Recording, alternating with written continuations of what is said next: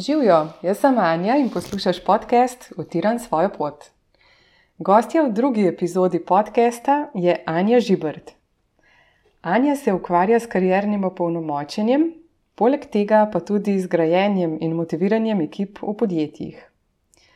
Pri delu jo vodi želja po dvigu kolektivne zavesti, združuje pa na vides nezdružljivo poslovni svet in duhovnost.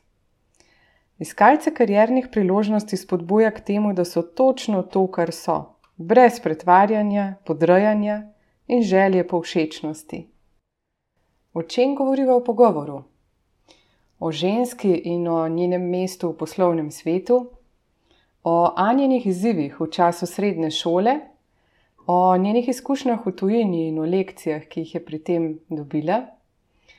Poveva nekaj o tem, zakaj ni pametno, da se naše sanje vežejo na zunanje dejavnike, govoriva o Anjinem poslanstvu in o izzivih družbe, ki jih Anja spoznava pri svojem delu. Dotakneva se tega, zakaj je pomembno, da smo točno to, kar smo, kaj je pomembno pri iskanju zaposlitve. Govoriva o tem, kako iskati srčno željo in poslanstvo, in pa tudi o tem, zakaj se Anja izogiba besedi samozavest. Predlagam ti, da se udobno namestiš in prisluhneš pogovoru. Uživaj.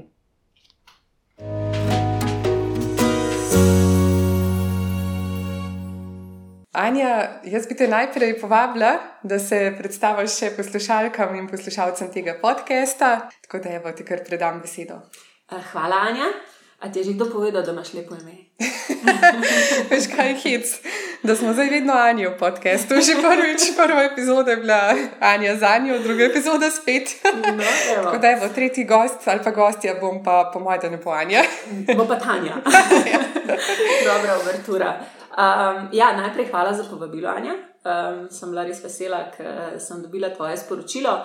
Um, kaj naj povem, v bistvu moje ime je Žibert Anja in v prvi vrsti sem ženska. Ne? V prvi vrsti sem ženska, na tak način tudi želim, da me ljudje vidijo, da sem ženska, potem sem mamica, uh, potem sem seveda prijateljica, uh, hčerka in potem poslovna ženska. Um, čeprav zgleda, da pač uh, moj posel, ker je tudi moje poslanstvo, je nekako center mojega življenja.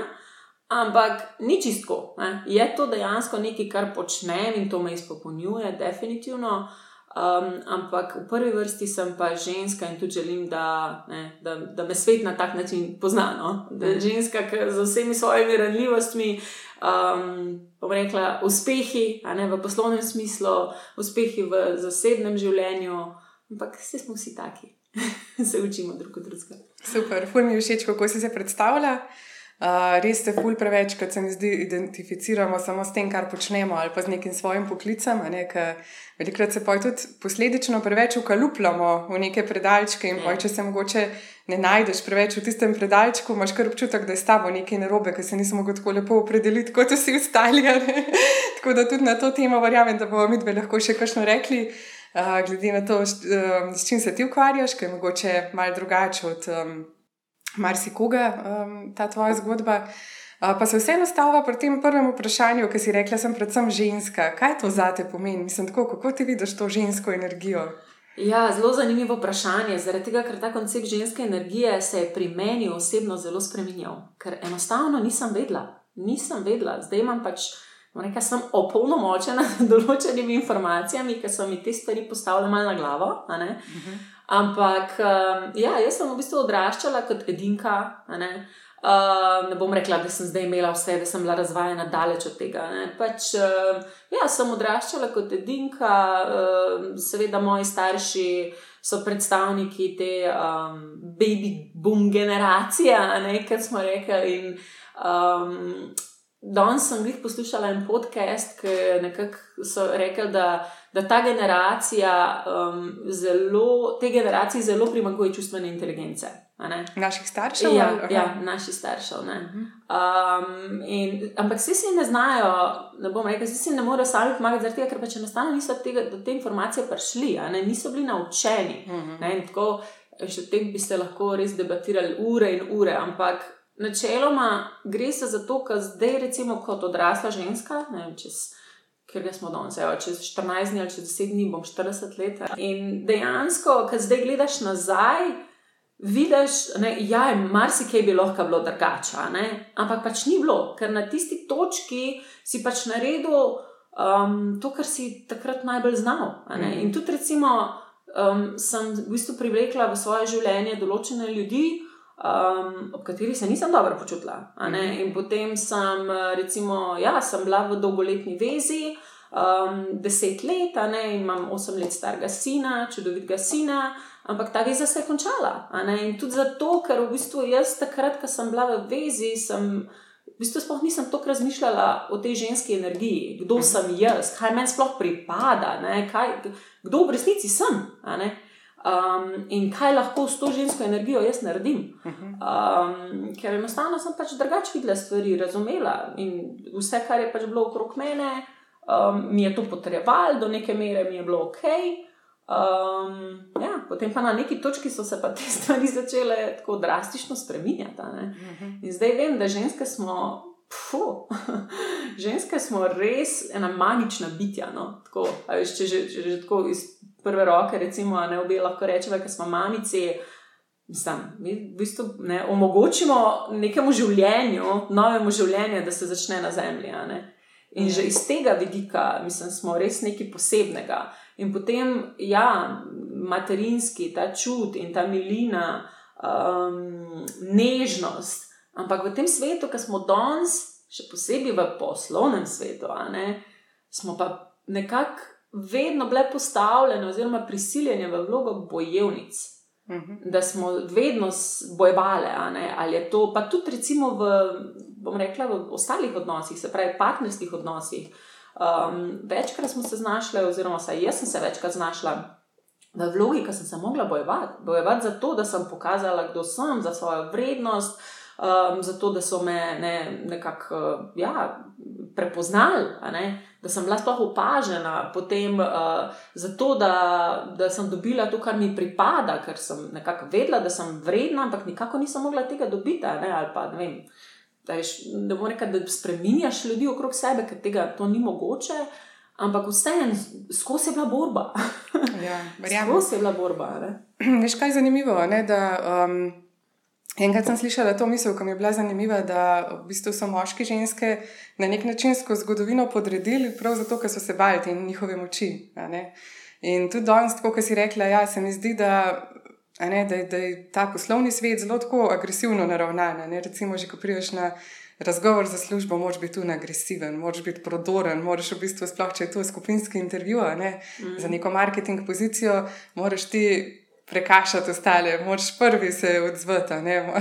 In je fuj zanimivo, no, v bistvu, kaj se spodbuja. Medtem ko ja, tako, si rekla, ne, ta ženska energija je pa čist drugija. Pa v bistvu je zelo močna, ampak je taka, kaj je podtalnica, jo jaz vidim, kaj je nauna.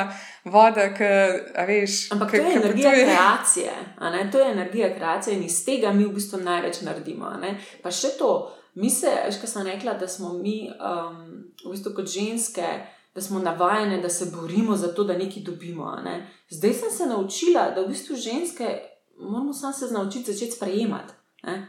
Sprejemati, da vse to, kar pač dobimo, pa ne mislim zdaj negativnih stvari, ne? ampak tudi recimo do neke mere, valjda, da si postaviš neke ne, jasne osebne meje in da veš, kaj je sprejemljivo, kaj ne.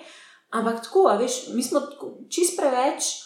Ne vem, če nam nekdo nekaj da, ne, se moramo, se kar dolžne počutimo, da moramo nekaj nazaj dati. Ne? Mhm. Mislim, saj jaz sem bila tako, vedno, celo življenje. Če je nekdo nekaj za mene lepega naredil, jaz sem se ful krivo počutila, ker nisem vedela, kaj ti naj da jaz na zameno. Zaradi tega, ker meni, veš, jaz sem zdaj tebi nekaj dolžna.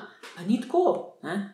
Mi smo po defaultu, nam pripada marsikaj, mi smo tle za to, moški so zato, da dajo, mi smo pa zato, da sprejemamo. Ne? Ja, mislim, se to je res zanimivo. V bistvu se počutiš uh, dolžno nekomu, ne? po drugi Aha. strani pa ne. Um, Mislim, da je to, kar ujevamo otroke, to, kar jih nosimo v trebuhu devet mesecev, to, kar jih pojdujemo, to lahko samo ta ženska materinska ljubezen, da kako koli pogledaš. Mm. In v bistvu v tem se tudi jaz dosti sprašujem zadnje čase. Veš, Anja, jaz sem zdaj recimo glih na tem, da sem začela spet nazaj službo po um, porodniški. In vidimo, v bistvu, koliko smo ženske res dvojno obremenjene, tudi koži. Recimo, da, da imaš ti to skrb za družino, um, marsikje je še vedno na ženski ta skrb za gospodinstvo, večinoma na njej. Mm. Jaz sem srečen, no? moram potrkati, da nam može delati krivice, kaj je res zelo, um, tako rekla, eh, da hitro vidi stvari no, in kaj premakne. Ampak, um, ali pa je tukaj še ta skrb za, v bistvu, za to, da prenašamo domov nek denar, ne, da, da v bistvu tudi tukaj finančno, da smo močni. Ne, in v bistvu, tako, ko gledaš za nazaj uh, na uni točki, ko smo si ženske nekako pridobile to enakopravnost, ne, um, smo tudi bile mal, uh, mislim, kako bi rekla. Dvojno, zdaj smo res dvojno obremenjene, ne kako koli. Pa vse so moški tudi, veš. Ampak definitivno um, recimo, pojem današnjega podcasta ne, je tudi to, da želim povedati, da um, ženska kot neka uspešna poslovna ženska, ne, kar v bistvu jaz sama sebe vidim, da sem uspešna poslovna ženska. Um, Ni treba, da, da, da vozi, oziroma um, da se pretvarja, oziroma da ima dva, dva različna življenja. To se pravi, da mhm. si ne, v poslovnem svetu, oziroma tisto, kar moraš biti, neka barakuda, da, za to, da preživiš in ne za preživetje, in pol ne vem, doma um, s sinom, z otroci, veš pa čist neka druga oseba. Uh mhm. -huh. Ne, zaradi tega, ker tukaj postaneš res zelo hitro pol schizofren.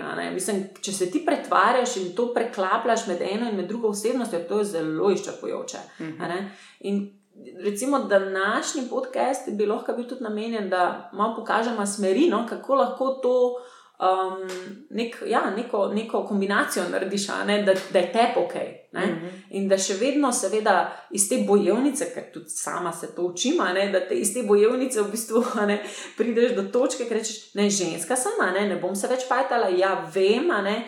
Um, kaj je treba narediti, vse, nekaj je, da se ti res fajtaš za obstoj in fajtaš za, za preživetje, ampak iz tega, ker misliš, da je cel svet proti tebi. To je ena stran.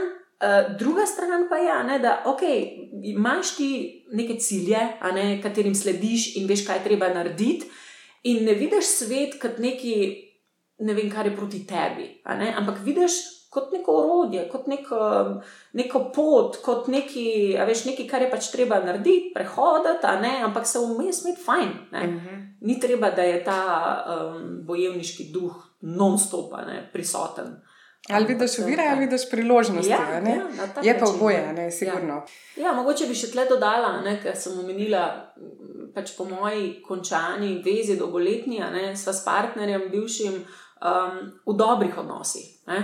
In um, nekako, seveda, se trudva, ne, pač nekako voziti to, uh, oziroma vzdrževati to nivo komunikacije in uh, nek način, ne, vzgoje, seveda, dobro za najnega sina. Um, Ampak to je bil proces, ki ti recimo končaš neko zgodbo, seveda tle je cel kup nekih negativnih občutkov, ne? ampak potem, ko ti ozavestaš, da vsak vidi svojo realnost. Vsak, ne, se pravi, jaz njemu ne morem nič zameriti, zaradi tega, ker on vidi do, do, določene stvari drugače kot jaz. Ne? In tudi on ne more meni zameriti, zaradi tega, ker imam jaz drugačen pogled. Ne? Zdaj, To samo pomeni, da pač enostavno nismo za skupaj, zaradi tega, ker živijo v drugačnih svetovih. Ampak tle ne pomeni, da ne, ne more biti neko spoštovanje, nek nivo komunikacije. In, in to je fully pomembno. No? Tega, tega bi se mogli malo več zavedati, da smo različni, edinstveni in da imamo okrog sebe različne realnosti. Ne? In moj svet, verjetno, mislim, zagotovo ni isti, kot je tvoja, ne, Anja, čeprav imamo isto ime, ampak živiva v ne, različnih svetovih. In um, ja, jaz mislim, da bi bilo vsem zelo, precej, precej lažje, če bi se znebili tega, um, kako se reče, judgmenta ne, v angleščini. Se mhm. pravi, da bi sodili ne, ja. nekoga. Ne, on je pa tak, on je pa tak, on je pa, on je pa meni to naredil, on je pa meni to naredil. To, to res ne gre nikamor, ker to je pač spirala. Ne. Tako, kot smo se prej pogovarjali, če tebe nekaj moti, ne, oziroma če pač mene nekaj moti in se jaz ne počutim ok, ja, je fajn v sebe pogledati, zaradi tega, ker tebe ne moti, njemu je vse en.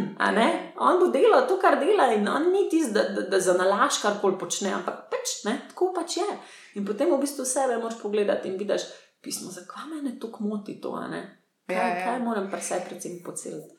Pa da povej, kakšna si bila ti kot otrok? Omenila si že to, da si bila edinka. Uh Mhm. -huh. Zanima me pa malo več. Ne, jaz te danes poznam kot res eno tako osebo, ki poslušaš sebe, ki si upaš živeti drugače, ki si izredno, jaz te vidim kot izredno optimistično, pozitivno osebo, ki tudi v drugih vidi res lepe stvari in um, jih želi v bistvu tako osvetliti. Mhm. Um, pa mi povej, kako se je to pri tebi razvijalo? Ne? Recimo ti kot otrok, pa poj kasneje. Um, boš sama se ustavila, kjer se ti je zdelo najpomembnejše. Ne, Ja. mogoče je bil kakšen obdobje tvojega življenja, kjer je to malo bolj um, prišlo v spredje, ta tvoj karakter, oziroma um, to, kar te je izo- izoblikovalo v, v tako osebo, ki te danes poznamo. Ja, definitivno je bilo veliko njih prelomnih točk, ampak zdaj, če greva na začetek, recimo um, osnovna šola. Ne? Jaz sem bila 8 let odličnjakinja, jaz sem bila najboljša, meni je bilo vedno, ne vem, angliščina, me se sploh ni bilo treba učiti. Mi smo nekaj vzeli v šoli in jaz sem se naslednjo uro javila in sem tako vse, in sem imela prva vse ocene v redovalnici. Ampak to ne pomeni, da sem se ful učila, res se nisem, ampak meni so bile te stvari zanimive. In, in sem si zapomnila, in, um, ja, in vedno sem se rada, zelo, zelo sem se rada izražala. Meni so pustili v osnovni šoli, da sem se res maksimalno izražala. Ker sem prišla pa potem um, na srednjo šolo, to je bila pa gimnazija, in to je bila ena izmed uh, nekaj elitne, ker to pač ni ta prava beseda, ampak ja, recimo najbolj priznani gimnaziji um, v celju. Um, Ja, tisti je bil pa kar, eh, mislim, tisti je bil pa kar šokno. Zaradi tega, ker takrat se je pa začela tudi oblikovati moja uporniška narava.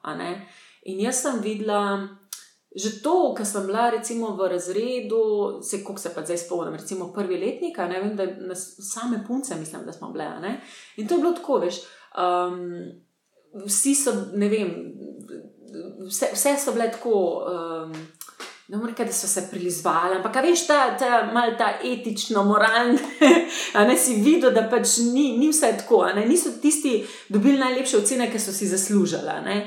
In to je mene začelo pomotati, veš, in pol jaz nisem želela participirati eh, v takem sistemu, ne, in sem pač neko svojo, ne vem, pot sem si želela in seveda sem postala upornica in um, ne vem, proti vsemu, um, ampak. Seveda, to se je meni poznalo tudi na ocenah. Ne? Jaz sem bila prej 8 let odličnjakinja, potem pa ne vem, komitrija. Ne? In potem mi skozi, ja, pa se boš mogla še malo bolj potruditi. Ja, pa kaj še je treba narediti? In nihče mi ni znal povedati, kaj jaz moram narediti, da bom dobila pet. ne.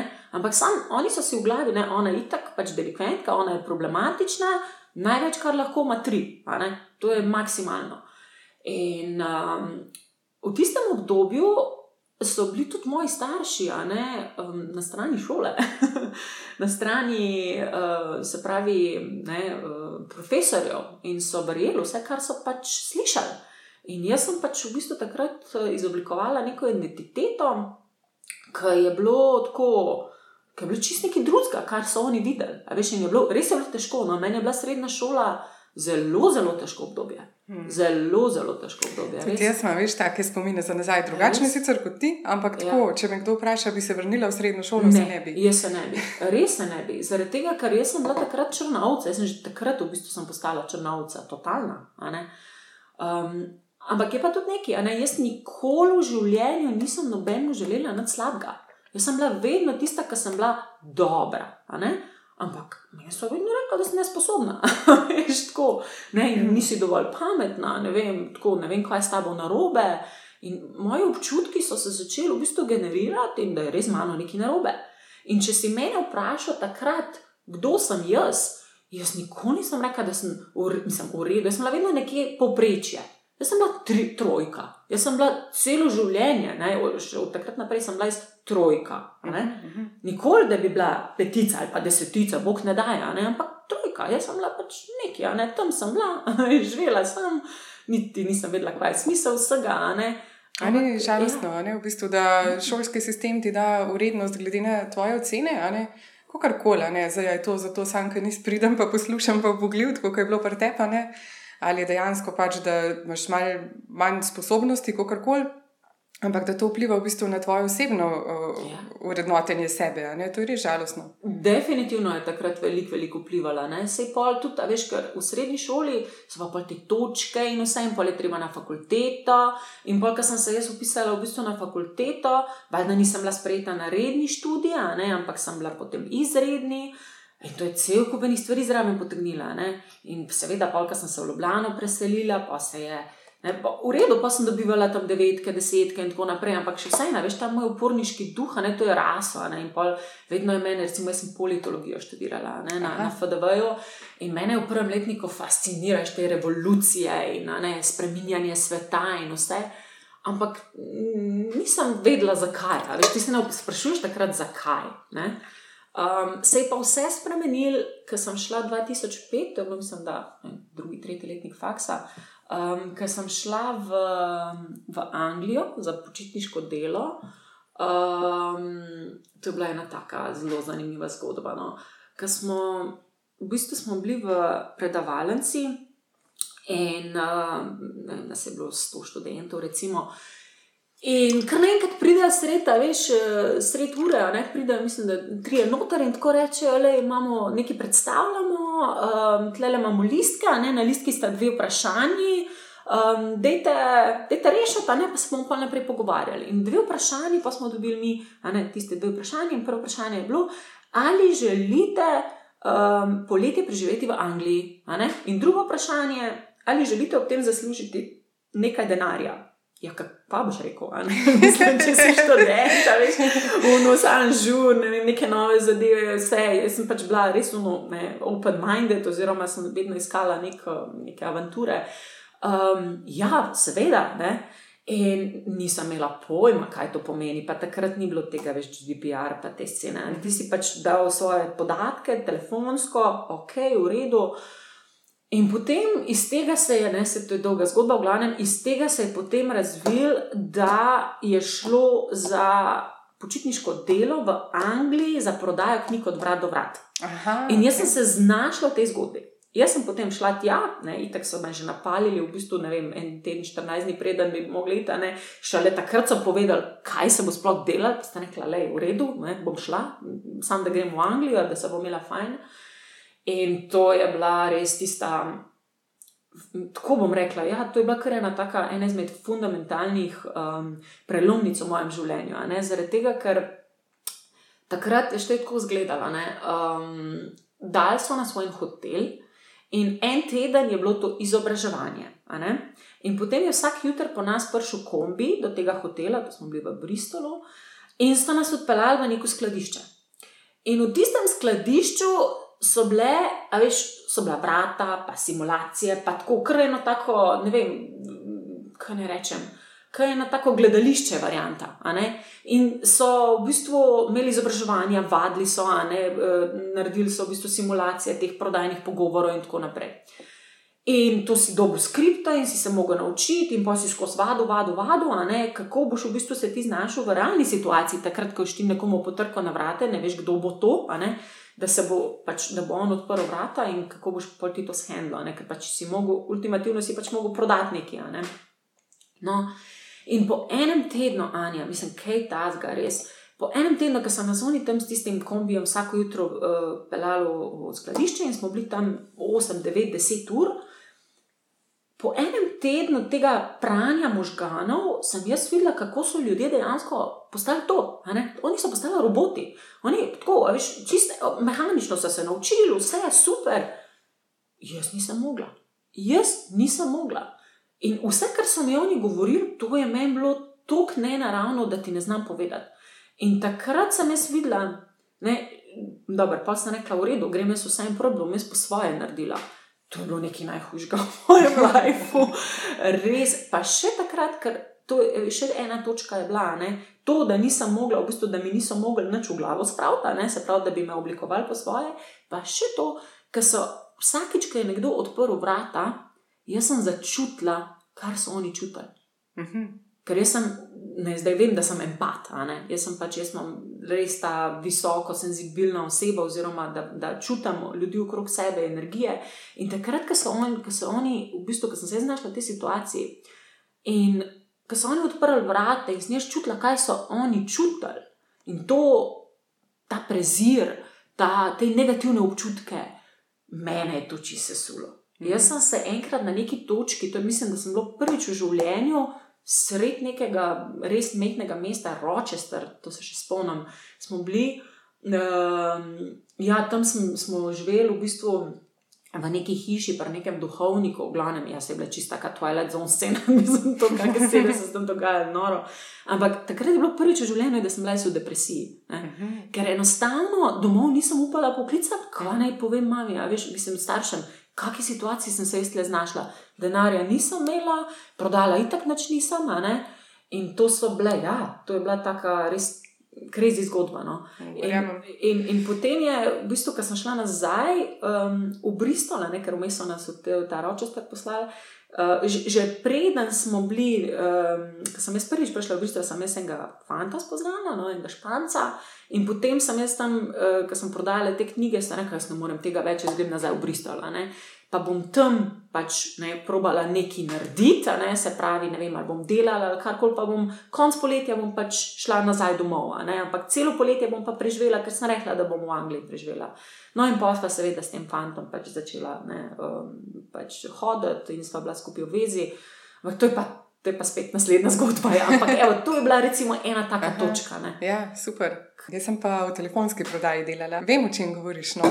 Je, je res zanimivo. To je res ena taka. En tak res specifičen poklic, ki je zelo tako izčrpavajoč, lahko, zelo te izčrpa, lahko, zaradi tega, ker v bistvu moč non-stop uh, sebe puščati nekaj zunije, ne, da to lahko upravljaš.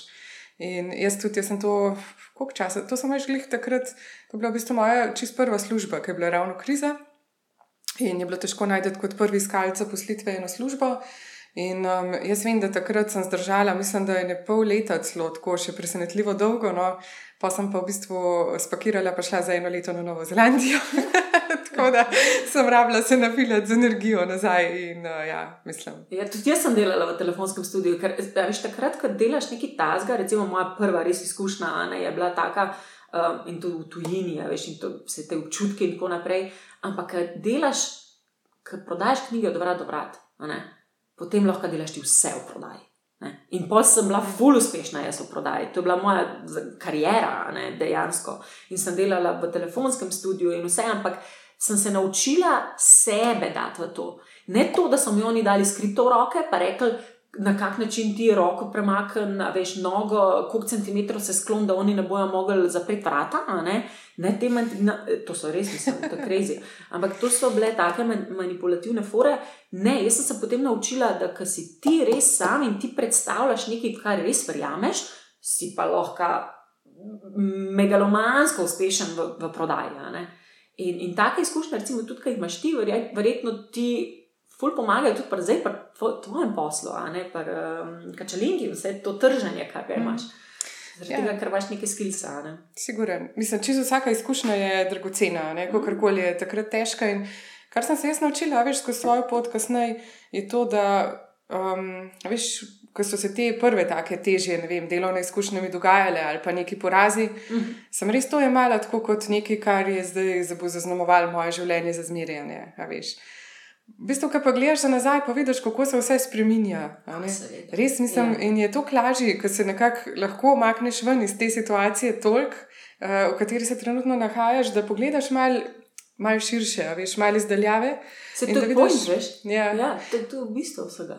Da vidiš, da v bistvu je to ena situacija, ki se zdaj mogoče dogaja, ampak bo minila. In ko bo, ne vem, čez par mesecev, le priložnosti je, mislim ogromen, ne, ne nam rekla neomejeno, ampak, ampak priložnosti so, definitivno. Ne, in recimo, če si zdaj v tej situaciji, v redu si v tej situaciji, si potrudiš po najboljših močeh.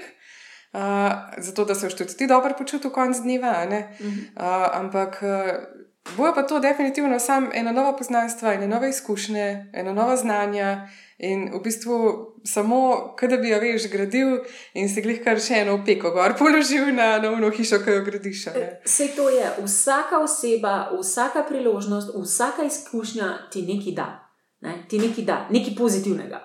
Nekaj pozitivnega v smislu, ne, kaj boš pač potem naslednji korak, korak lahko naredil. Ker verjetno zaradi tega, veš, vse to, kar smo mišli česa, ne, tudi ti, tudi jaz in vsi.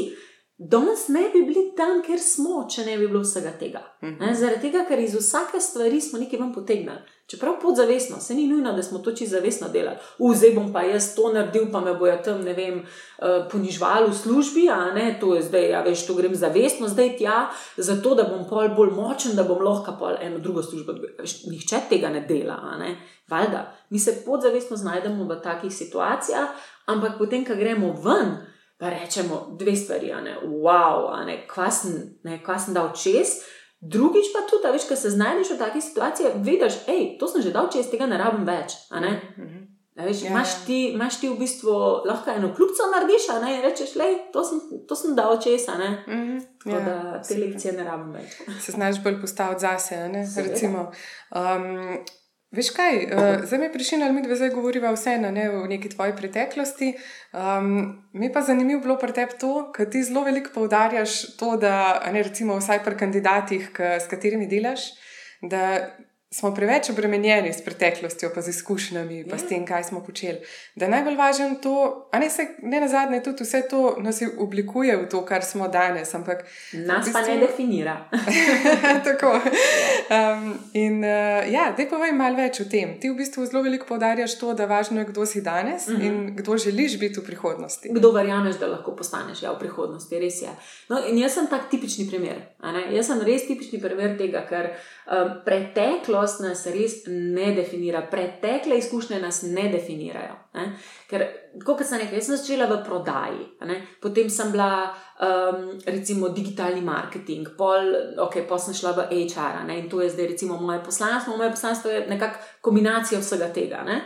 Ampak recimo to, da sem jaz bila depresivna v Angliji in da, da so me imeli vem, za najnižjo raso, mislim, za najnižjo, najnižjo stopno človeške rase, tam, kjer sem prodajala knjige ne, v Angliji, to mene danes ne definira.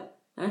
Takrat ne, je bila pač to nekakšna moja realnost, ki sem imela okrog sebe. Ampak to danes nima nobene veze. Jaz to zdaj govorim na podkastu in se smejimo na ta račun. Yeah. Ne, to še nekaj je, ne, kar se mi zdi ful pomembno. Da v bistvu, če imaš tako izkušnjo v življenju, si veliko bolj lahko empatičen, veliko bolj se lahko, ne vem, uživiš v zgodbe drugih ljudi, ker si šel sam enkrat čez vso to trnovo pot.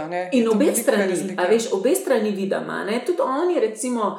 K, ne, zaradi katerih, v narekovajih, ker itak to sem si jaz sama vse skreirala, ker sem očitno pač rabila to.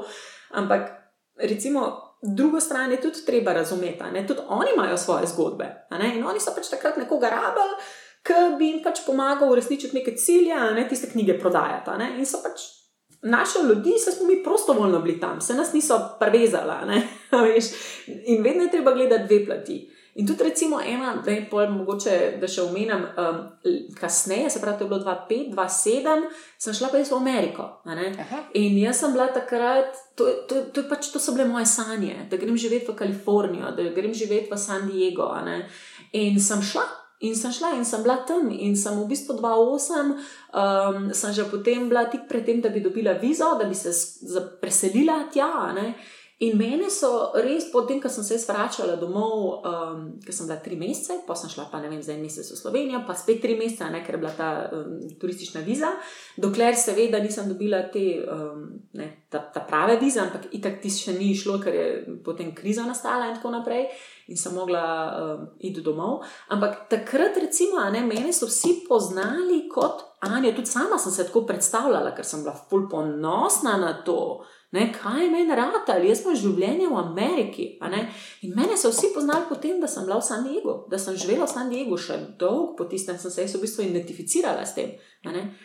In uh, danes, ko gledam, kako je bilo to smešno, kako sem jaz bila smešna, ne? ker v bistvu potem pa pride ena krizica in ti moraš te sanje pustiti. To, to v bistvu, ne, jaz nisem mogla tam ostati, zaradi tega, ker enostavno je vse propadalo. In tudi ta um, ki bi mi sponzoriral vizo. Mislim, to so bile pol grozne zadeve, ne, ker je res, so, pač, vse je propadalo no, in tako mhm. bankrotirali, ljudje so delali samomore in tako naprej. Um, ampak, veš, takrat, ko se ti v bistvu zanašaš na neki vzuni, ne, to lahko zelo hitro mine. Mhm, da ti svojo srečo, svoje sanje, svoje počutje v bistvu vežeš na nekaj, kar se dogaja zunaj, nekaj, kar se bo dogajalo zunaj, nekaj, kar ti bo nekdo dal. To, lahko, to je zelo, zelo minljivo. To lahko treno oka lahko gre stran. Je fulj zanimivo to, kar govoriš. Um, včeraj, ali zdaj, te dni sem gledala uh, eno oddajo, v kateri je bil predstavljen en, koš, en košarkar, ki mu ni uspel, ker je imel recimo um, poškodbo, kar je mhm. zelo pogosto ne, pri športnikih. In me je to tudi prešinilo, kako težko je to, recimo, da ti res življenje posvetiš eni stvari, pa na koncu nimaš vpliva, ne? čeprav na marsikaj imaš. In tudi v takih primerih, a ne se zdaj sem malo zašla, mogoče, no, ampak mi je res zanimivo, ker sem ravno o teh stvarih razmišljala te dni, um, kako je res.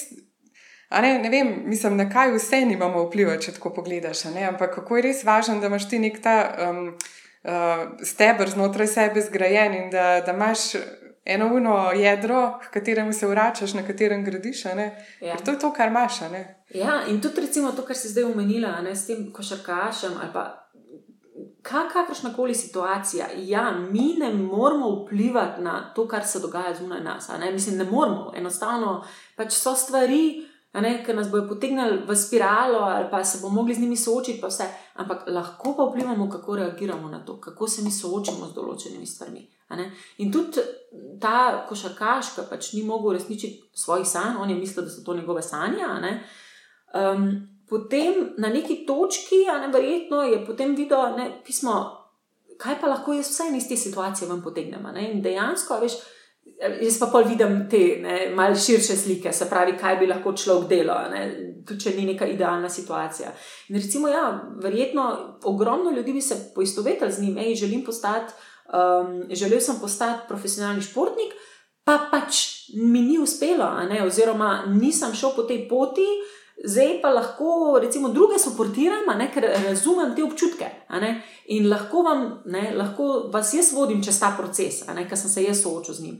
Ali pa ne vem, da veš, trener, kakorkoli, v glavnem, ogromno je opcij, da ti v bistvu narediš neko kombinacijo teh tvojih sanj, uh -huh. ki misliš, da so sanje, in to, kar dejansko ti si, oziroma to, kar znaš. Ker, recimo, jaz, veš, to so bile moje sanje, Amerika in vse to, to so bile moje sanje. Ali pa recimo na neki točki, ne, tudi ne vem, sanska hiša, družina, vse to so bile moje sanje. In sem bila nekaj časa v teh situacijah, ampak očitno to ni bilo tisto, kar je bilo namenjen meni, v moje najviše dobro. No? Da sem jaz lahko bila to, kar sem, kar, to, kar sem jaz danes, zdaj le, ki se mi dve pogovarjamo. Jaz nisem bila to takrat, ko sem bila v tistih zgodbah. Uh mhm. -huh. Ker enostavno, prvič, ne vem, niti nisem vedela, da ta verzija Anja obstaja. Drugič pa, ja, ne, so pač bile drugačne neke omejitve okrog mene, ki sem se jih mogoče podzavestno, mogoče pa tudi ne um, zavestno zavedala, ampak nisem videla izhoda. Ne. Zdaj, pa, če pa ti širiš ne, vsako informacijo, se tako lepo pogovarjaš in tako naprej, pa dobiš potem ta nabor teh možnosti, kaj je sploh možno, je kar širši, kar, kar, kar prihajajo. Ne. Ja, res je. Res je. Ej, um, zdaj, ko smo vse manj že tudi zapeljali na, na to bolj novejšo zgodovino, um, mislim, da je mogoče vse en čas, da malo poveš, čim se ukvarjaš. Aha, kaj je zdaj trenutno ja. tvoje poslanstvo? Vidim, da si kar zažarila, kar je dober znak. ja, um, zdaj, če me nekdo vpraša, ne, Anja, kaj ti počneš? Najlažje je razumeti, eh, če povem, da sem delala v kadrovski agenciji, ne, prej, um, in sem v bistvu iskala ljudi za podjetja. Ne. Na eni strani sem seveda imela razgovore potem z ljudmi, ki so iskali službo, in na drugi strani s podjetji, ki so iskali ljudi. In v neki tradicionalni kadrovski agenciji ne, sem jaz pač upravljala neko vlogo agenta, ne povezovalca. Ampak seveda je bilo vse pogojeno z denarjem. In kar to pomeni, da načeloma v večini primerih je kadrovska agencija na strani klienta, pač, oziroma na strani podjetja, ker enostavno oni jim plačujejo ne, te uh, zneske uh, za podporo, strokovni podpor, oziroma ne, da najdejo ljudi. In jaz nisem čutila tega. Jaz nisem čutila tega, ker sem videla, da je enostavno, ker sem se pogovarjala ne, na eni strani z ljudmi, Pa tudi, če so mi nekaj govorili, ker sem že prej omenila, da sem blazno senzibilna, ne, čutim, vidim, tisto, kar ne povejo, vidim. In sem videla, da na eni strani ne, so ljudje, ki se pretvarjajo, Na drugi strani so pa podjetja, ki se pretvarjajo. In sem, ja, in sem rekla pismo, jaz mislim, da to lahko bi se znala najti kakšno rešitev. No, in sem pač potem, se je bil to proces, seveda, ampak um, na neki točki sem potem v času korone sem, uh, ustanovila svoje podjetje. Um, in dejansko to delam. Na eni strani ljudje, ki iščejo, pa ni treba, da so brezposelni, ampak razmišljajo o nekih novih kariernih priložnostih, ali pa tudi tisti, ki nimajo službe, ne, tudi nimajo, ki nimajo zaposlitve um, jim predamo vse informacije, ki jih morajo vedeti, da se znajo predstaviti, da se znajo, ampak točno to, kar oni so. Ne? Ker marsikdo se pretvarja za to, da bi bili všečni nekomu, a ne na drugi strani. Ne, jaz jih pa pomagam in prpela, jih pripela do te točke, da so avtentični, da so hmm. točno to, kar so, v vsej najbolj surovi obliki, če se tako izrazim, hmm. in da to potem znajo predstaviti. Kako dobro, ja. Veš, Anja, ja. tukaj, uh, tukaj me to spomni na to tvojo um, pričakovanje, da bi mogla biti všečna v srednjem šoli. A veš, mm. kaj si rekla, da, da v bistvu so hoteli tebe, da si ne vem, da igraš po nekih ja. uh, njihovih taktirki. Ja, sem se vse nadgrajevala. In ja, ne, ja. v bistvu. Se mi zdi, da sploh tudi, recimo, če, če rečeš job intervju, razgovor za službo, vsak se najprej predstavlja tisto, da okay, moramo obleči v obleko, ki mi je neudobna, ampak dobro zgleda. Ja, moram moram pogledati to, na netu, kaj so bile klasične vprašanja. moram seveda, boh ne da, da vprašam, koliko bo plačal ali kakšne pogoje, mm. ne, kaj mi pripada. Se mi zdi, da še posebej slovenci, no, mislim, ali pa ne vem, mogoče. Mi tukaj živimo, pa to opazimo, ne? da smo zelo tako um, naravnani, da ko pridemo na razgovor, da v bistvu hočemo nekako se podrediti in v bistvu obogati. Mislim, biti tisti všečni, da nas bodo izbrali, še lepo je, se sprašujemo, aha, kam bodo sploh tega. Ja, ja. Ne, ja, kaj še le to, aj to res za me. To je res zanimivo. No? Tudi... Ja, ni samo v Sloveniji, Slovenija je fulmejtna in informacije zelo hitro se širijo, krožijo, ljudje se pogovarjajo in tako naprej. Zato se zdi, da je malo bolj koncentrirano, ampak to se dogaja po celem svetu. Um, tudi, recimo, ko sem živela v Ameriki, v Angliji, da sem se tudi znašla v situacijah, ko sem hodila na razgovore. Ampak, ja, tako kot si omenila, um, mi, recimo, ki se znajdemo v eni situaciji, ne, ali pa ljudje, ki grejo na zaposlitveni razgovor, se avtomatsko postavijo v podrejen položaj. Jaz um, sem v ta moj koncept upeljala tudi. Um, duhovnost oziroma te duhovne aspekte, se pravi energijo, da se pač povezujejo, da se povezujemo ljudje na podlagi teh vibracijskih frekvenc in tako naprej. In zdaj, če čisto domače rečemo, da se ti postaviš, ko prideš ti v neko pisarno na razgovor in imaš nekoga na drugi strani. Se avtomatsko postaviš v podrejen položaj, da je on nekaj več. Ne? In kaj dejansko, ne, on se pa tudi, ali pa ona se pa tudi tako obnaša, da je nekaj več.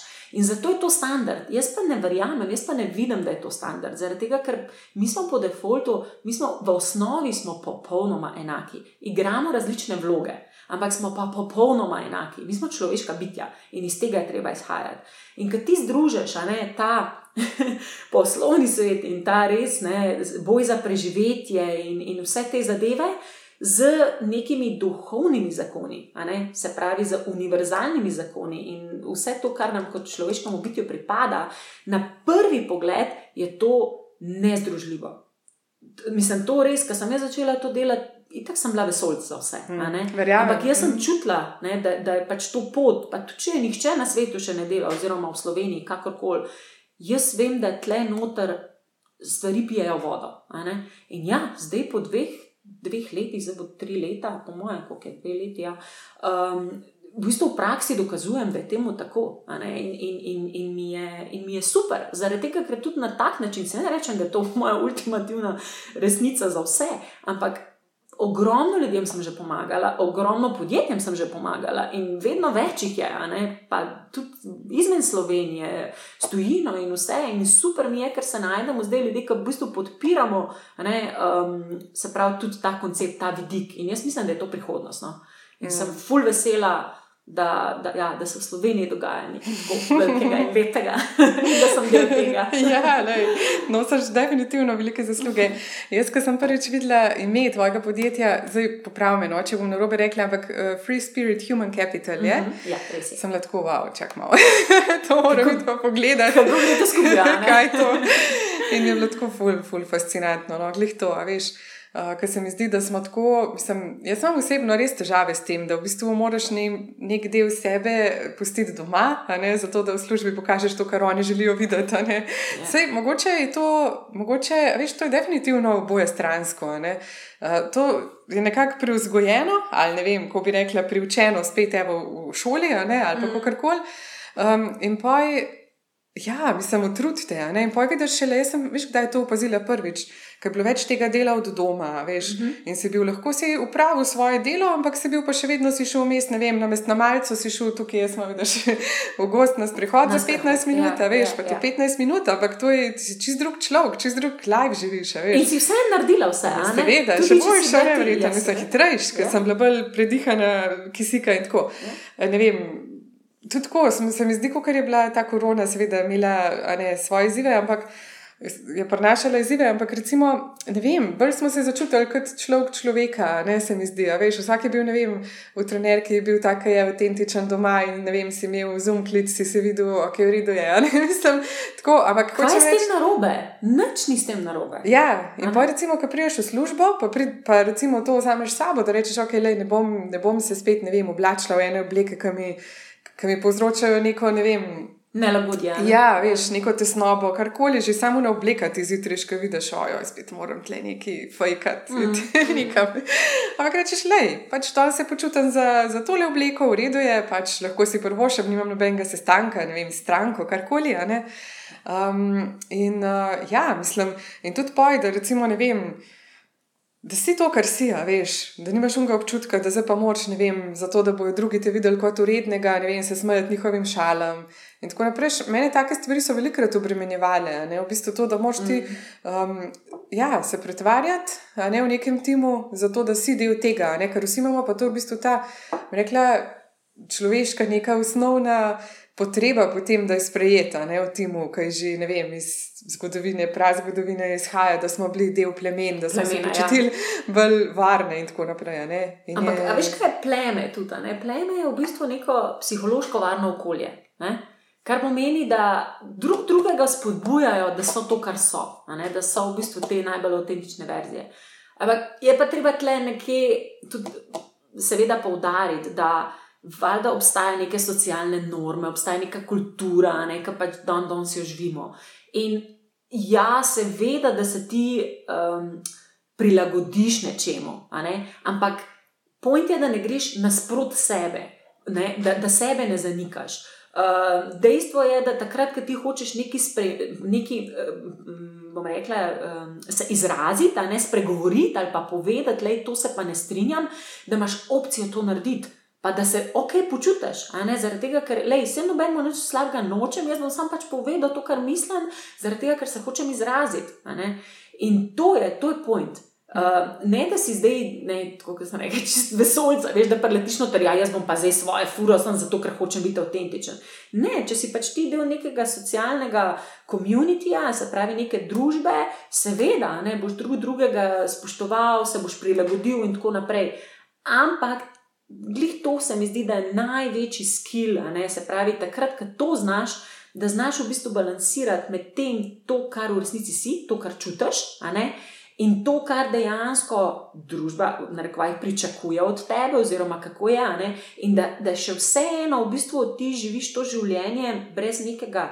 Pritiska, da se imaš fajn, ne, seveda so negativni občutki, ampak da te ne potegnejo v neko spiralo, ampak da jih znaš nekako samo regulirati e, to je pa. To je pa ta smisel življenja, ki smo se prej pogovarjali. Veš, kaj se to za sabo potegne? Ja. Kakšen drug človek se ti, kako te v bistvu sodelavci drugače lahko doživljajo, zato ker ti daješ tisto svoje, kar je res Tako. najboljše, kar lahko daješ.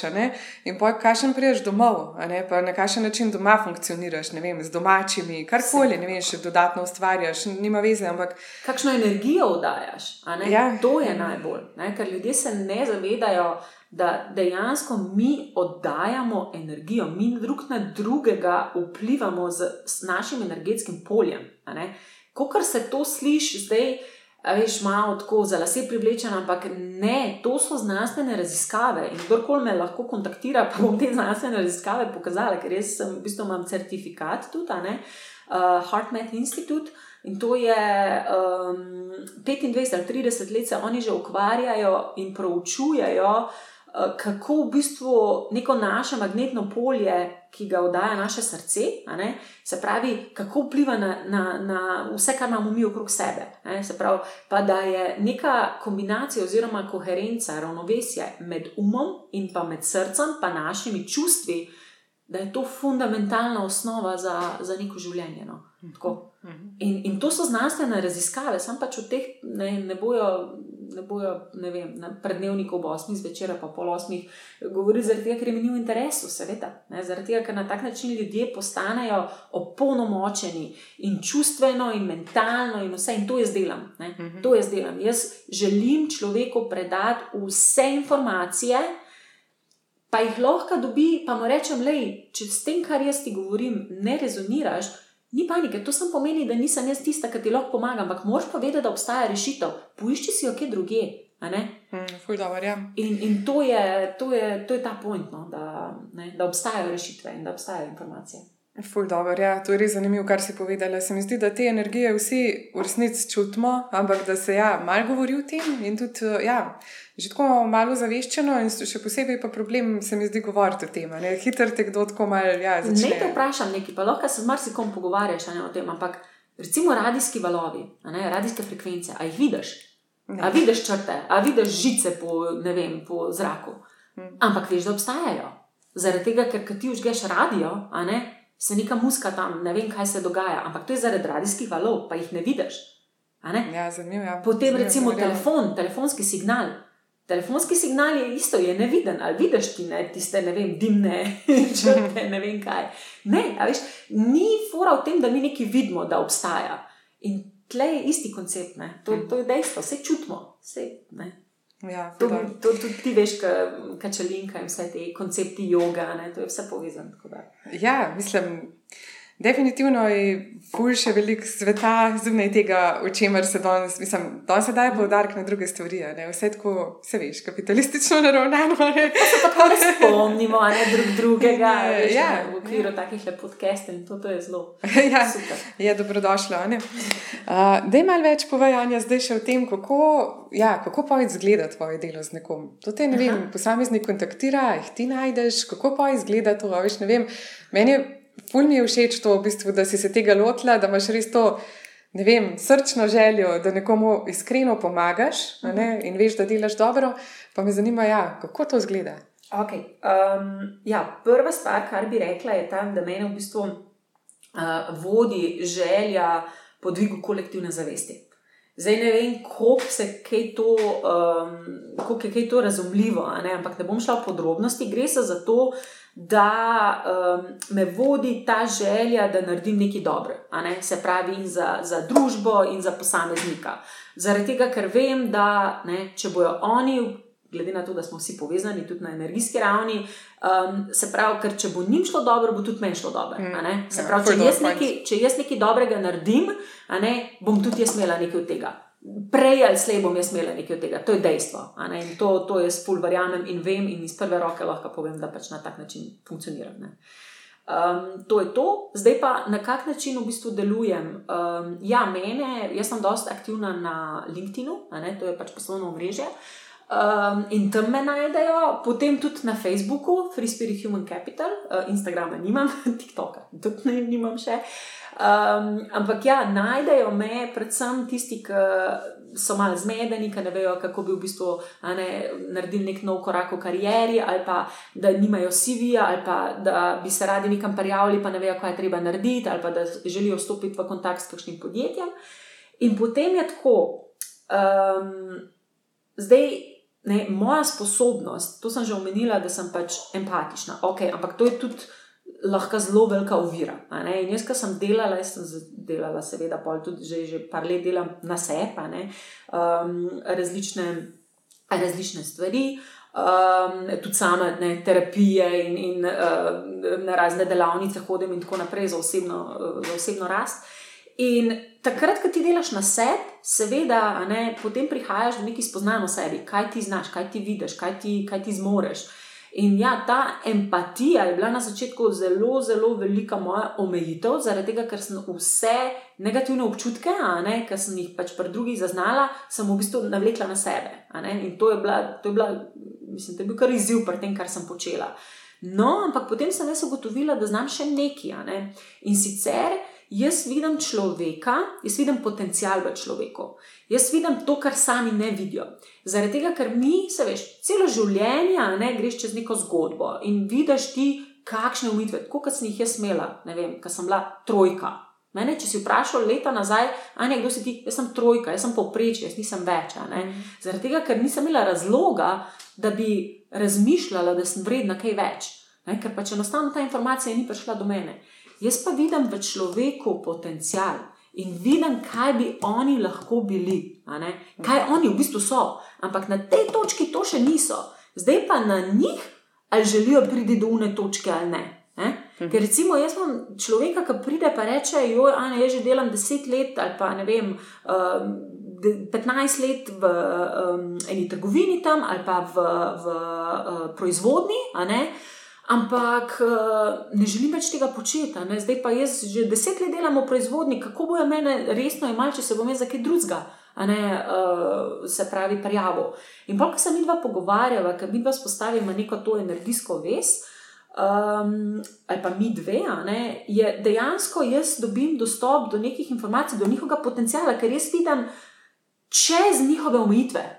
Oni vidijo omejitve, jaz pa teh omejitev ne vidim, ker jaz jih ne poznam, jaz ne, ne poznam njihovih ne, osebnih zgodb in travme in ne vem kaj. To me ne zanima. Mhm. Jaz vidim potencial, kaj lahko oni na podlagi tega, kar so že počeli, oziroma kakšni potencijali se v njih skrivajo. Kaj, recimo, kaj jih vprašam, kaj pa ti rad počneš? Ne?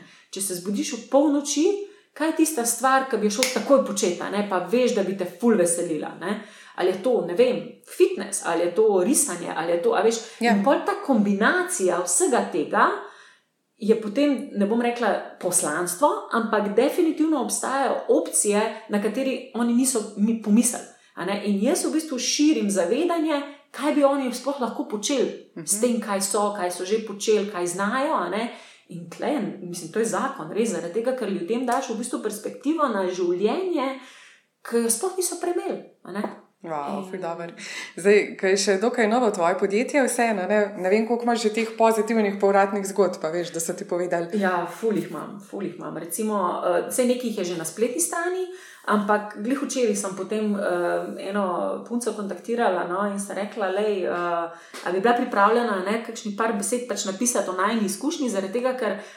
A veš, ponavadi je tako, to so zelo subtilne, na začetku so to zelo subtilne razlike. Vse tisti, recimo, če potrebuješ pomoč, pa si vijo, ok, imaš po sešno, a ne z mano, imaš potem, ali pa ne vem, po dveh, imaš nek CV v roki, ne? imaš nekaj za pokazati. Ne? Ampak večinoma se pa dogaja na energijski ravni. Uh mhm. -huh. Zaradi tega, ker enostavno oni se sploh ne zavedajo, ne? ampak potem se kar začnejo stvari dogajati, ker pridejo neke priložnosti do njih. In recimo, ne, to, na kak način še jaz delujem, um, sem tudi opazila. Takrat, ko se z nekom povežem, ali je to neko podjetje ali je to nek posameznik. Ne, takrat, ko se v bistvu mi neko, ja, na neki energijski ravni povežemo in si izmenjamo ne, pač neke informacije in tako naprej.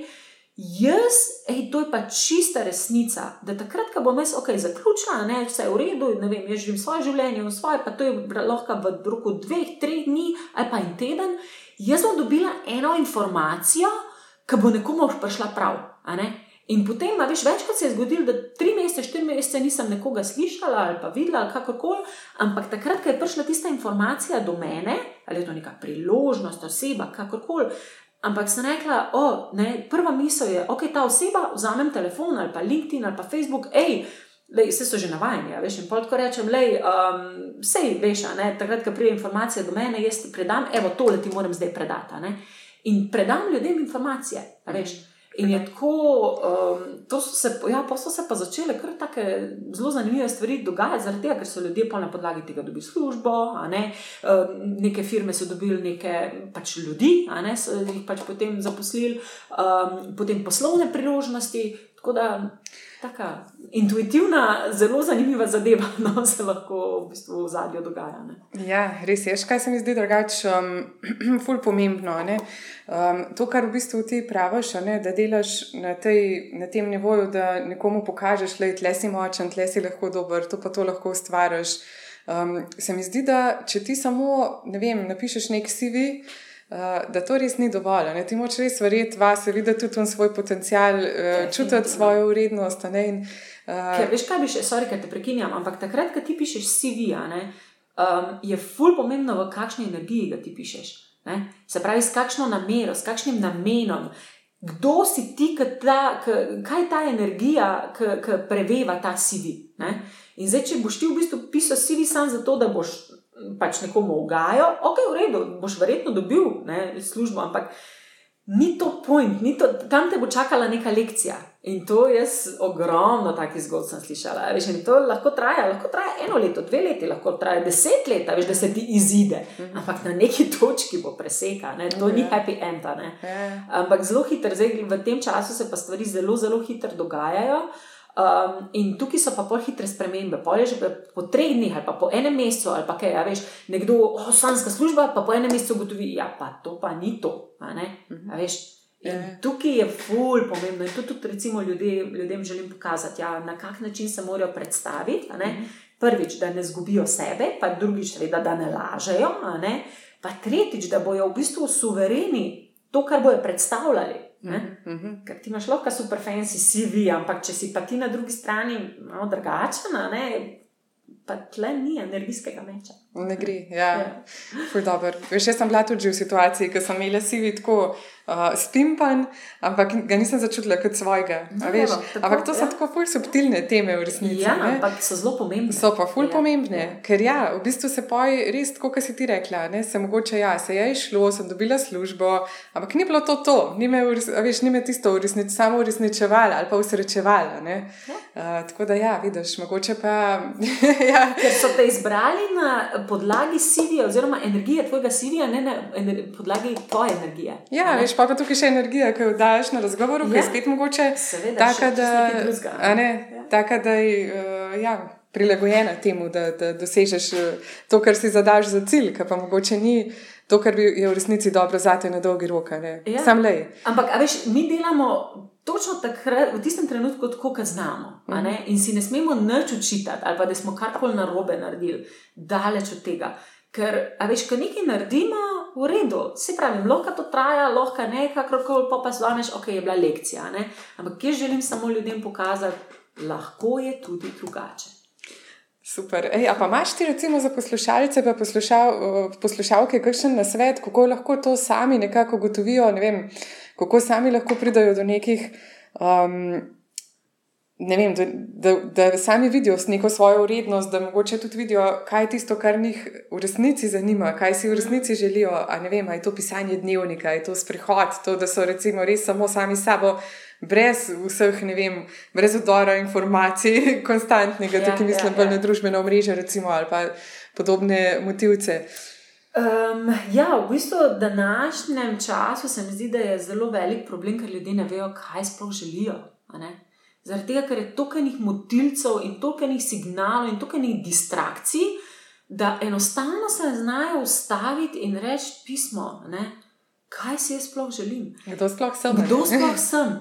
In jaz, recimo, ena tako zelo zanimiva vaja je, no, um, kar marsikdaj dam pač naprej, oziroma povem, ne, um, da najbolj pomembno je, da mi poslušamo svoje srce pred tem, kar želimo. Se pravi, čeprav zdaj bo to zvenelo, kaj je ena znanstvena fantastika, ampak probimo. Se pravi, recimo, lahko zapremo oči in si predstavljamo, da na svetu, v našem življenju, ni nobenih omejitev.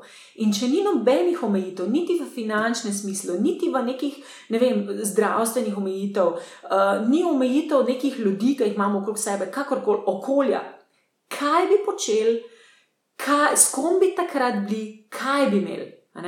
Se pravi, takrat, v bistvu, ko si odgovoriš na ta vprašanja, ampak res, da si v čistem prostoru, kjer ni omejitev, takrat v bistvu ti se dotakneš te srčne želje. In iz tega lahko potem ven nekako realiziraš stvari.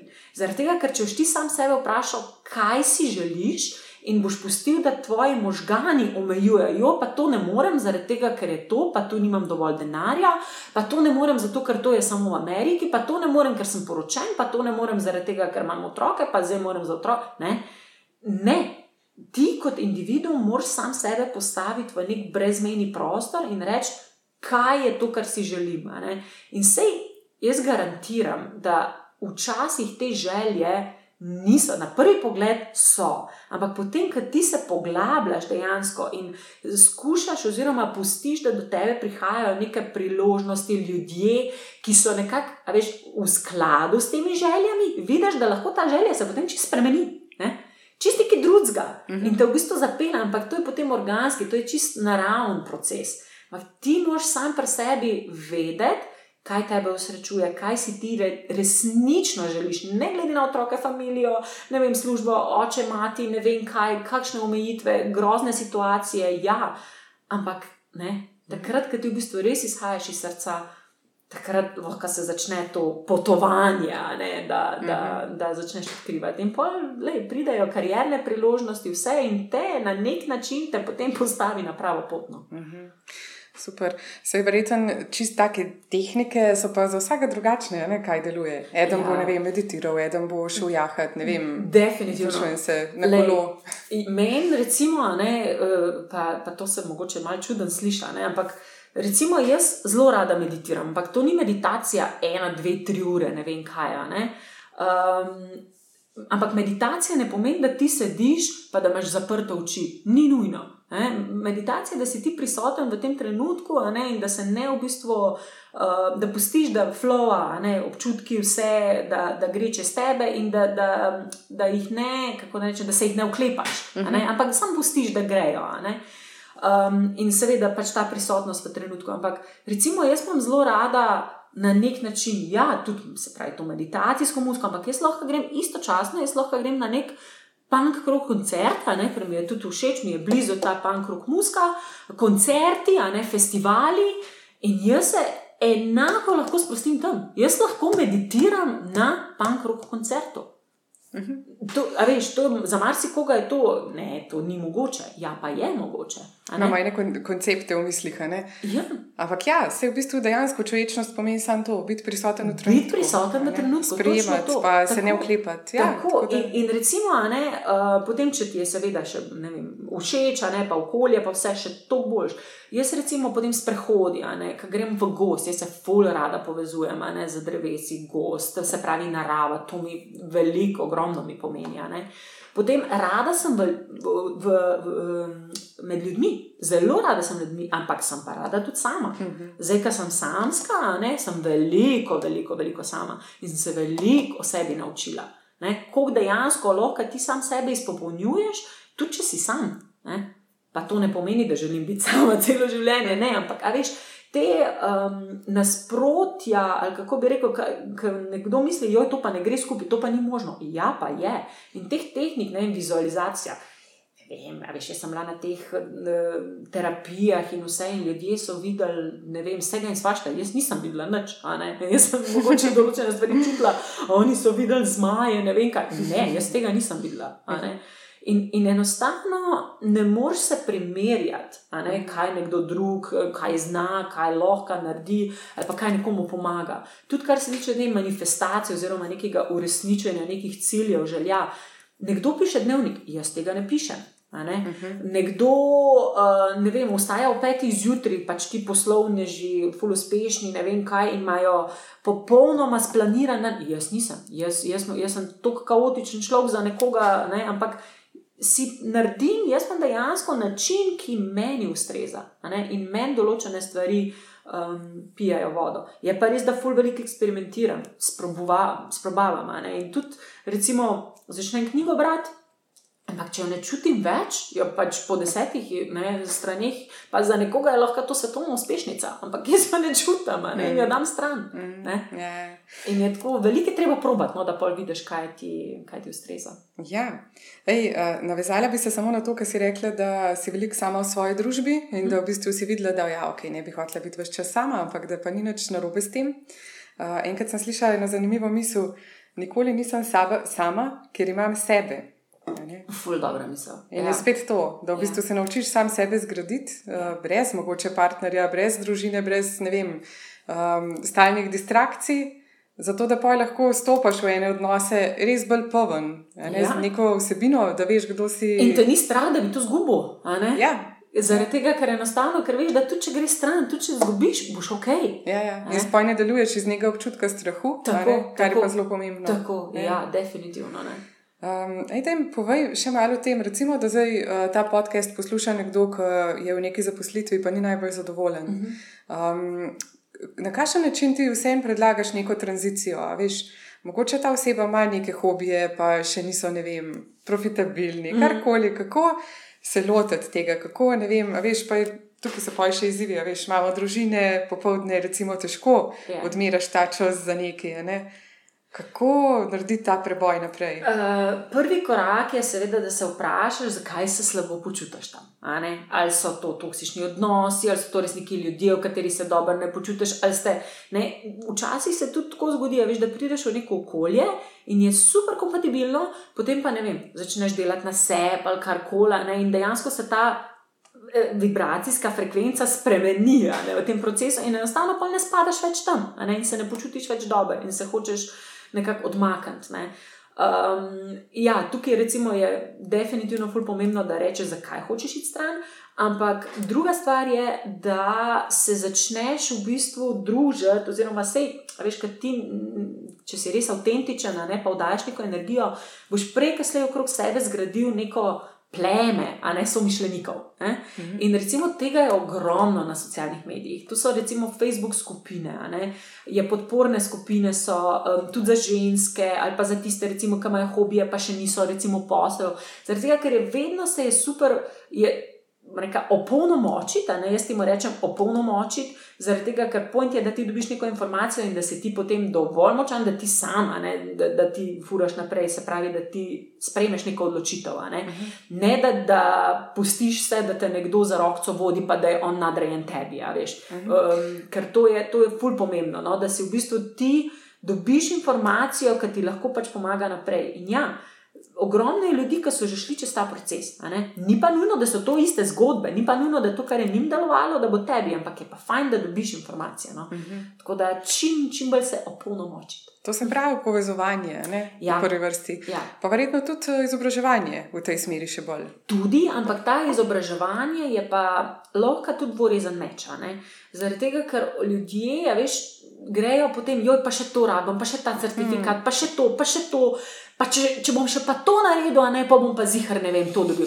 Ne, in to lahko gre v nedogled, in tle zgubljaš in čas in energijo, in na koncu imaš ti 15 certifikatov, pa ne vem, 10 kursov, pa si še zmeraj zmeden. ne. Ja, ja. Smejem da- se, ker je to tako- tipična zgodba, se mi zdi. Ne, Ja, ne ampak sam pri sebi, tudi tako pri prijateljih vidim. Ne. zato, ker je fajn, je, treba, mislim, treba je poslušati sebe, ne druge. Ja, no, tako, ja, ne. ja. ja, v bistvu ti manjka nekaj samozavesti, verjetno na tej točki, ne pa jo iščeš poj na tak način, da v bistvu iščeš neko zunanjo potrditev, Ja. izobrazba, ne vem, tako kot si sama rekla, certifikati, diplome in vse. Da je povej, ker smo se klik dotaknili samozavesti.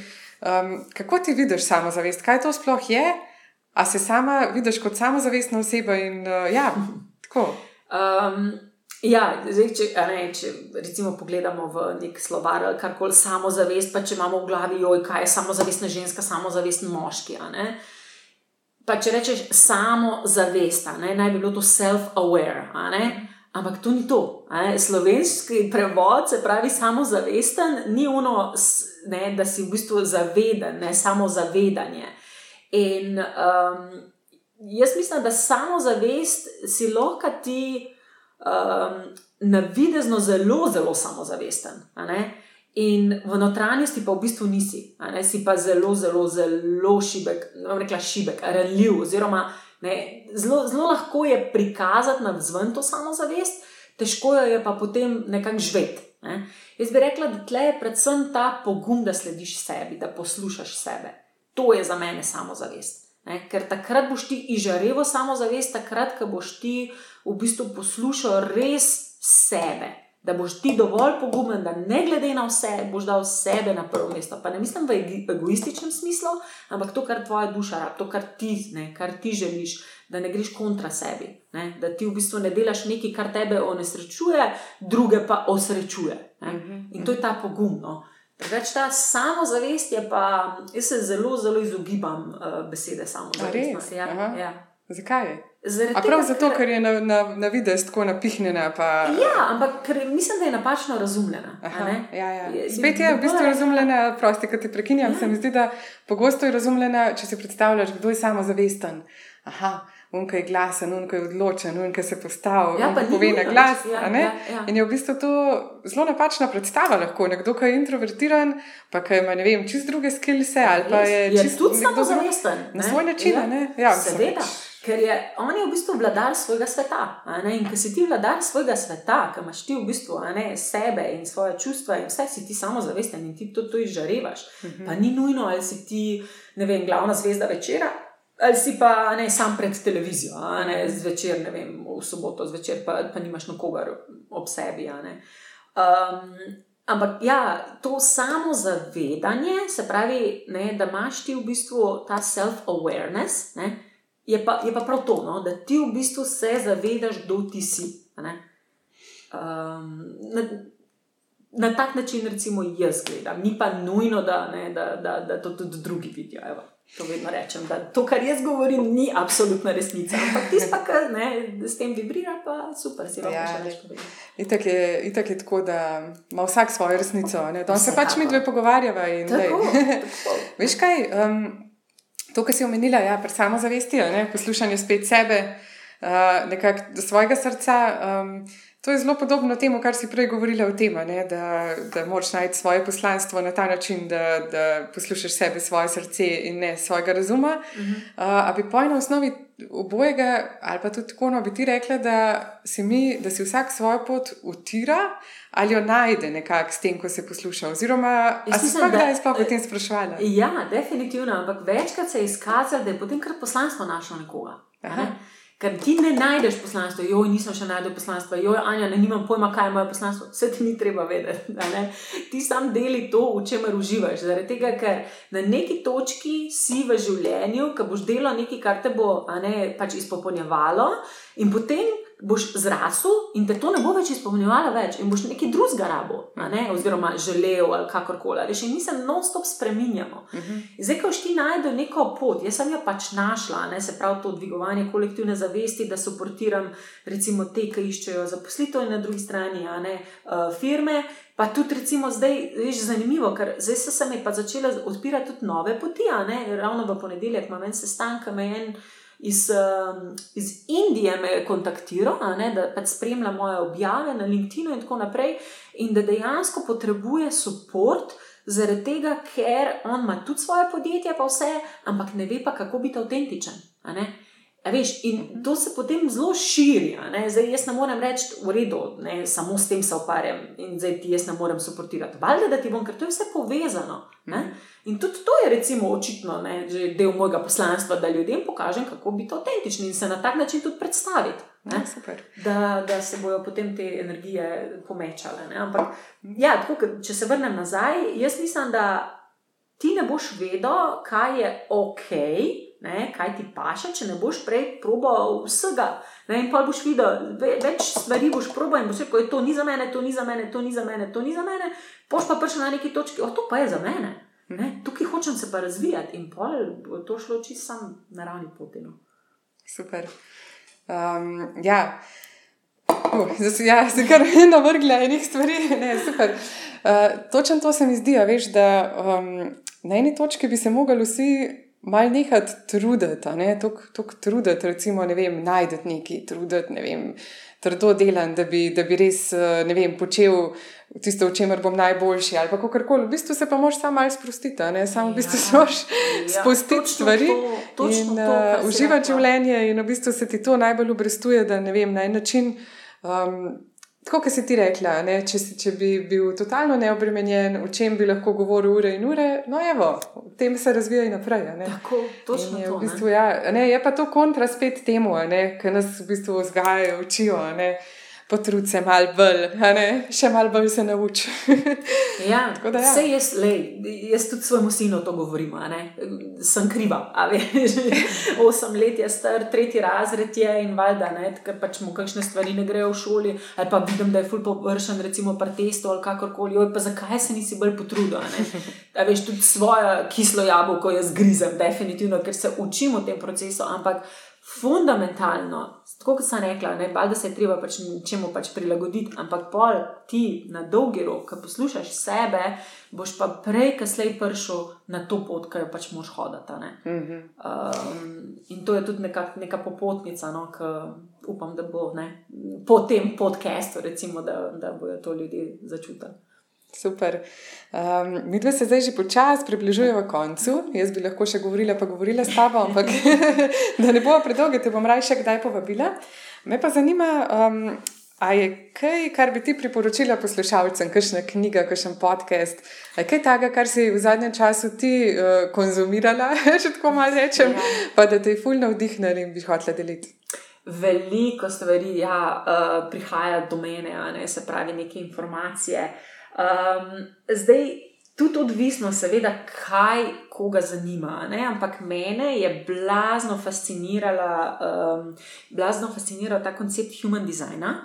Um, in obstaja en, um, um, ena aplikacija za telefon, um, Human Design App, no? in, in tam jaz to vidim kot en tak virtualni coach, čisti iskreno. Se pravi, ti imaš tam v bistvu, daš noter podatke um, svojega rojstva, uro rojstva, ne se pravi, um, kraj, datum in uro rojstva, in potem ti zgenerira, kakšen je tvoj energijski tip. Uh mhm. -huh. In recimo moj je generator, kar je popolnoma logično, mislim, po vsem tem, kar sem prebrala, se pravi, manifesting generator. Ampak to so različni potem energijski tipi in to je neverjetno, v kakšno globino, kako v bistvu se ti res lahko naučiš marsikaj na podlagi tega, se pravi, tudi na podlagi tega human designa. In pa je še ena, to je pa čist astrologija, no, um, je tudi, kar se tiče svojega um, datuma, ne, se pravi, ura, datum in pa kraj. Uh, uh, rojstva, je pa The Pattern. Ne? To je pa tudi ena aplikacija in tam so pa tudi tako zanimive, ker je tudi community, pa so vprašanja, tako coaching vprašanja. Recimo, Se pravi, um, kaj si v zadnjem tednu, kaj, bi, kaj so tiste lekcije, ki so te nekaj največ naučile. Veš, mhm. tako vprašanja so, ki ponavadi. Ja, ponavadi bi pač plačal kar nekaj denarja, recimo za nekega kavča, ne? ampak tukaj je pa dejansko aplikacija in te vodi. In imaš dnevne, uh, dnevne recimo, nasvete na podlagi ne vem, kako stojijo planeti. Se jaz to nisem neki full poglabljala, ampak jaz vidim recimo to, kar pač o meni piše pa v kombinaciji, ker ti lahko, recimo, lahko si ti narediš, ne, profil, uh mhm. -huh. in pa se mi dve povežava, in pa vidi, kakšna je dinamika, ne, mhm. recimo, med najnima osebnostma. In to je neverjetno, res, kam je prišla tehnologija. No. Zanimivo, to... sem si v boju zapisala. Ja, Dobar. the pattern, pa human, um, human design. Uh, če kaj še imam, jaz, jaz drugače dosti teh podcastov poslušam. No? Uh -huh. um, potem je Blinkist, to je ena aplikacija, kjer so povzetki knjig. To je tudi zelo zanimivo, pa niso samo duhovne, ampak so eh, marsikaj, tudi eh, seveda uh, fiction ali pa non-fiction. Uh, potem je, veš, ogromno je teh, da bom rekla, pa ne rada uporabljam to besedo, ampak vse ljudje razumejo, gurujo, ne, kaj neki govorijo. In jaz sem imela, recimo, pet let nazaj sem začela poslušati določene ljudi, ampak potem jih nisem več čutila in, sem, veš, in jih nisem več poslušala. In potem spet novi, in jih spet nisem čutila. In pol spet novi, neki cajt, pa sem bila tudi, recimo, Joe Dispenza, vse to super, oh in sploh. Ampak da bi pa zdaj njega vsak dan poslušala, pa, par, pa, pa ne več. Ne? Uh -huh. Veš, ful je zanimivo. Ne? Tako da pri meni se to ful spremenja in dejansko sam pustim, da to, kar pride do mene, probam in če mi je kul, cool, pač poslušam. Ja, ja. Ampak ja, tega, tega je drugače uh, zelo veliko. No. Pa še mogoče bi omenila no, uh, skupino, ki sem jo jaz naredila, to je pa par mesecev nazaj, Mindful Job Hunt Slovenija, uh -huh. to je mhm. pa na Facebooku. In tle je pa, to je pa prav namenjen, se pravi, mm, delodajalcem in pa iskalcem zaposlitve, ampak ne v smislu, jo imamo oglas, mi rabimo nekoga, ne, ena stopnja prej, se pravi, še preden, a ne um, nekdo išče službo ali pa nekdo išče nekega ne, člana ekipe, veš, da, da si v bistvu izmenjajo informacije. Ne. Se mhm. pravi, da človek pride noter, nekdo, ki pač mogoče išče zaposlitev, ampak ne ve, ali, da so samo hod na razgovore, pa je imel kakšne negativne izkušnje ali kakorkoli. Lahko vprašanje, karkoli lahko tam noter postavi in mu bojo iz prve roke delodajalci ne, um, odgovorili. Zaradi tega, ker sem ustvarila, oziroma trudim se, da ustvarim neko psih, psihološko varno okolje, zato da se informacije ta prave dobijo. Um, ker se veš, če greš ti na razgovor, pa ti na licu mesta vprašaš nekoga tam, ti ne bo dal relevantnega odgovora. Zaradi tega, ker bo vedno dal odgovor, ki bo njim prav. Ne? Tle pa je, smo vsi nekako na taki ravni povezani, to so delodajalci, direktori in kadrovski strokovnjaki, ki so zelo, zelo open-minded, se pravi, da so full um, empatični in, in imajo odprti um in so pripravljeni pomagati. Uh -huh, ne? Uh -huh. ne glede na to, ali bodo oni imeli kaj od tega ali ne. Ampak tako, no, tako da.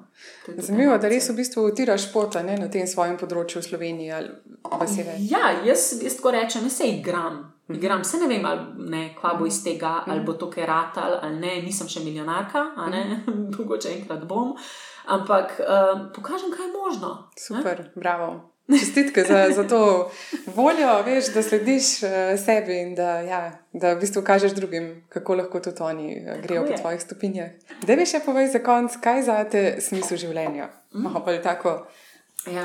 Globoko ja, vprašanje za zaključek. Prej smo že malo se dotaknili. Smisel življenja je za me, um, da ne, ne bojevanje. Ne? Smisel za, za, za življenja je za me, da greš po tej poti, kaj mu rečemo življenje, in da se učiš, da spoznavaš nove stvari, spoznavaš nove ljudi in da se imaš fajn. Da se imaš fajn, res. Mislim, se, se pravi, vedno so negativni občutki, ampak da ne obstaneš dolg časa tam v tej luknji, brezno, kakorkoli, ampak ne, da se naučiš zelo hitro splezati in da se imaš fajn, res. Da se generira pač ti pozitivni občutki, kot so ljubezen in, in podpor in smeh. Jaz sem si za, evo, moj ta, uh, kako se reče, za obljube, novoletne. Uh mhm. -huh. Sem si prav napisala, v letu 2023 želim okrog sebe imeti. Uh, ljudi, ki me bodo zabavali, ki bodo ne, zabavni ljudje, in vsak dan se želim vsaj enkrat nasmejati do sous. Dobro, dobro za obljubo. In pa grem pogledat, včasih, ko pozabim, ali pa kaj. Ja, Če je moj sin premej in pa me vedno, ker sem mu pač povedala, pa me vedno prideš večkrat, ker sem že večkriva, ali pa pogledam vem, na YouTube kakšne te um, smešne videe.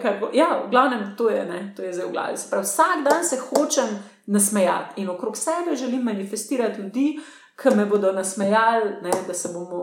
Pa tudi, če je ne vem, katastrofalen dan, ampak en trenutek se hočem res nasmejati srca. Super. Gremo zaključiti kar pri tej uh, pozitivni misli. Tako da, Eva, Anja, jaz te povabim, magari tako le čez eno leto, pa da vidiš, kako dni je šlo, koliko krat je uspela ta novoletna stand-up stand predstava že po enem letu. Res najlepša hvala, ker si si vzela čas, ker si tudi počela v Škofijo Loko, prav za ta moj podcast, tako da res iz srca hvala. Um, a je še karkoli, kar bi ti dodala za poslušalce, ali pa kaj takega, kar te nisem vprašala, pa bi si želela izpostaviti? Um, ja, se v bistvu jaz verjamem, da ta podcast bodo slišali ljudje, ki jim je namenjen, da ga slišijo. Um, pa to bi rekla, da vse to, kar sem danes povedala, se, se niti ne spomnim, kaj sem govorila, nekaj gre kar čez mene. Ampak vse, kar sem danes povedala, vzemite si tiste stvari ki jih čutite. Ne? ne vse, kar sem povedala, je mat Ja, zdaj pa jaz moram to narediti, ne, zdaj pa to, če pa ne bom tega naredil, pa ne bo tako, kot je Anja rekla. Ne, ni tako. Ne. In vedno, vedno obstaja ogromno polje nekih priložnosti, možnosti, rešitev. Um, če to povezam s kariero ali karkoli, ja, lahko vam tudi jaz pri tem pomagam. Uh, drugače pa obstaja ogromno res nekih ne, res dobrih ljudi, ki vas lahko suportirajo na različnih področjih, in nikoli nismo sami, nikoli niso sami. Tako da, evo, to ne bi bila popotnica. Super. Jaz sem tudi polinkala um, Anjine podatke, tako da boste lahko tudi sami, same stopili v stik z njo. Uh, tako da, Anja, hvala. Hvala tudi um, tebi, ki si uh, to epizodo poslušala z nami do konca, čeprav je bila malce daljša. Uh, tako da, lep dan še naprej želim, Anja, tebi in poslušalcem. Ja, hvala enako, Anja. Čau. Čau.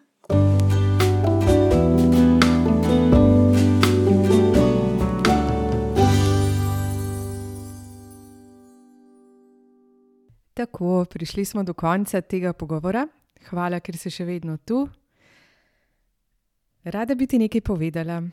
Samo nekaj dni preden je išla ta epizoda, je Anja praznovala svoj rojstni dan.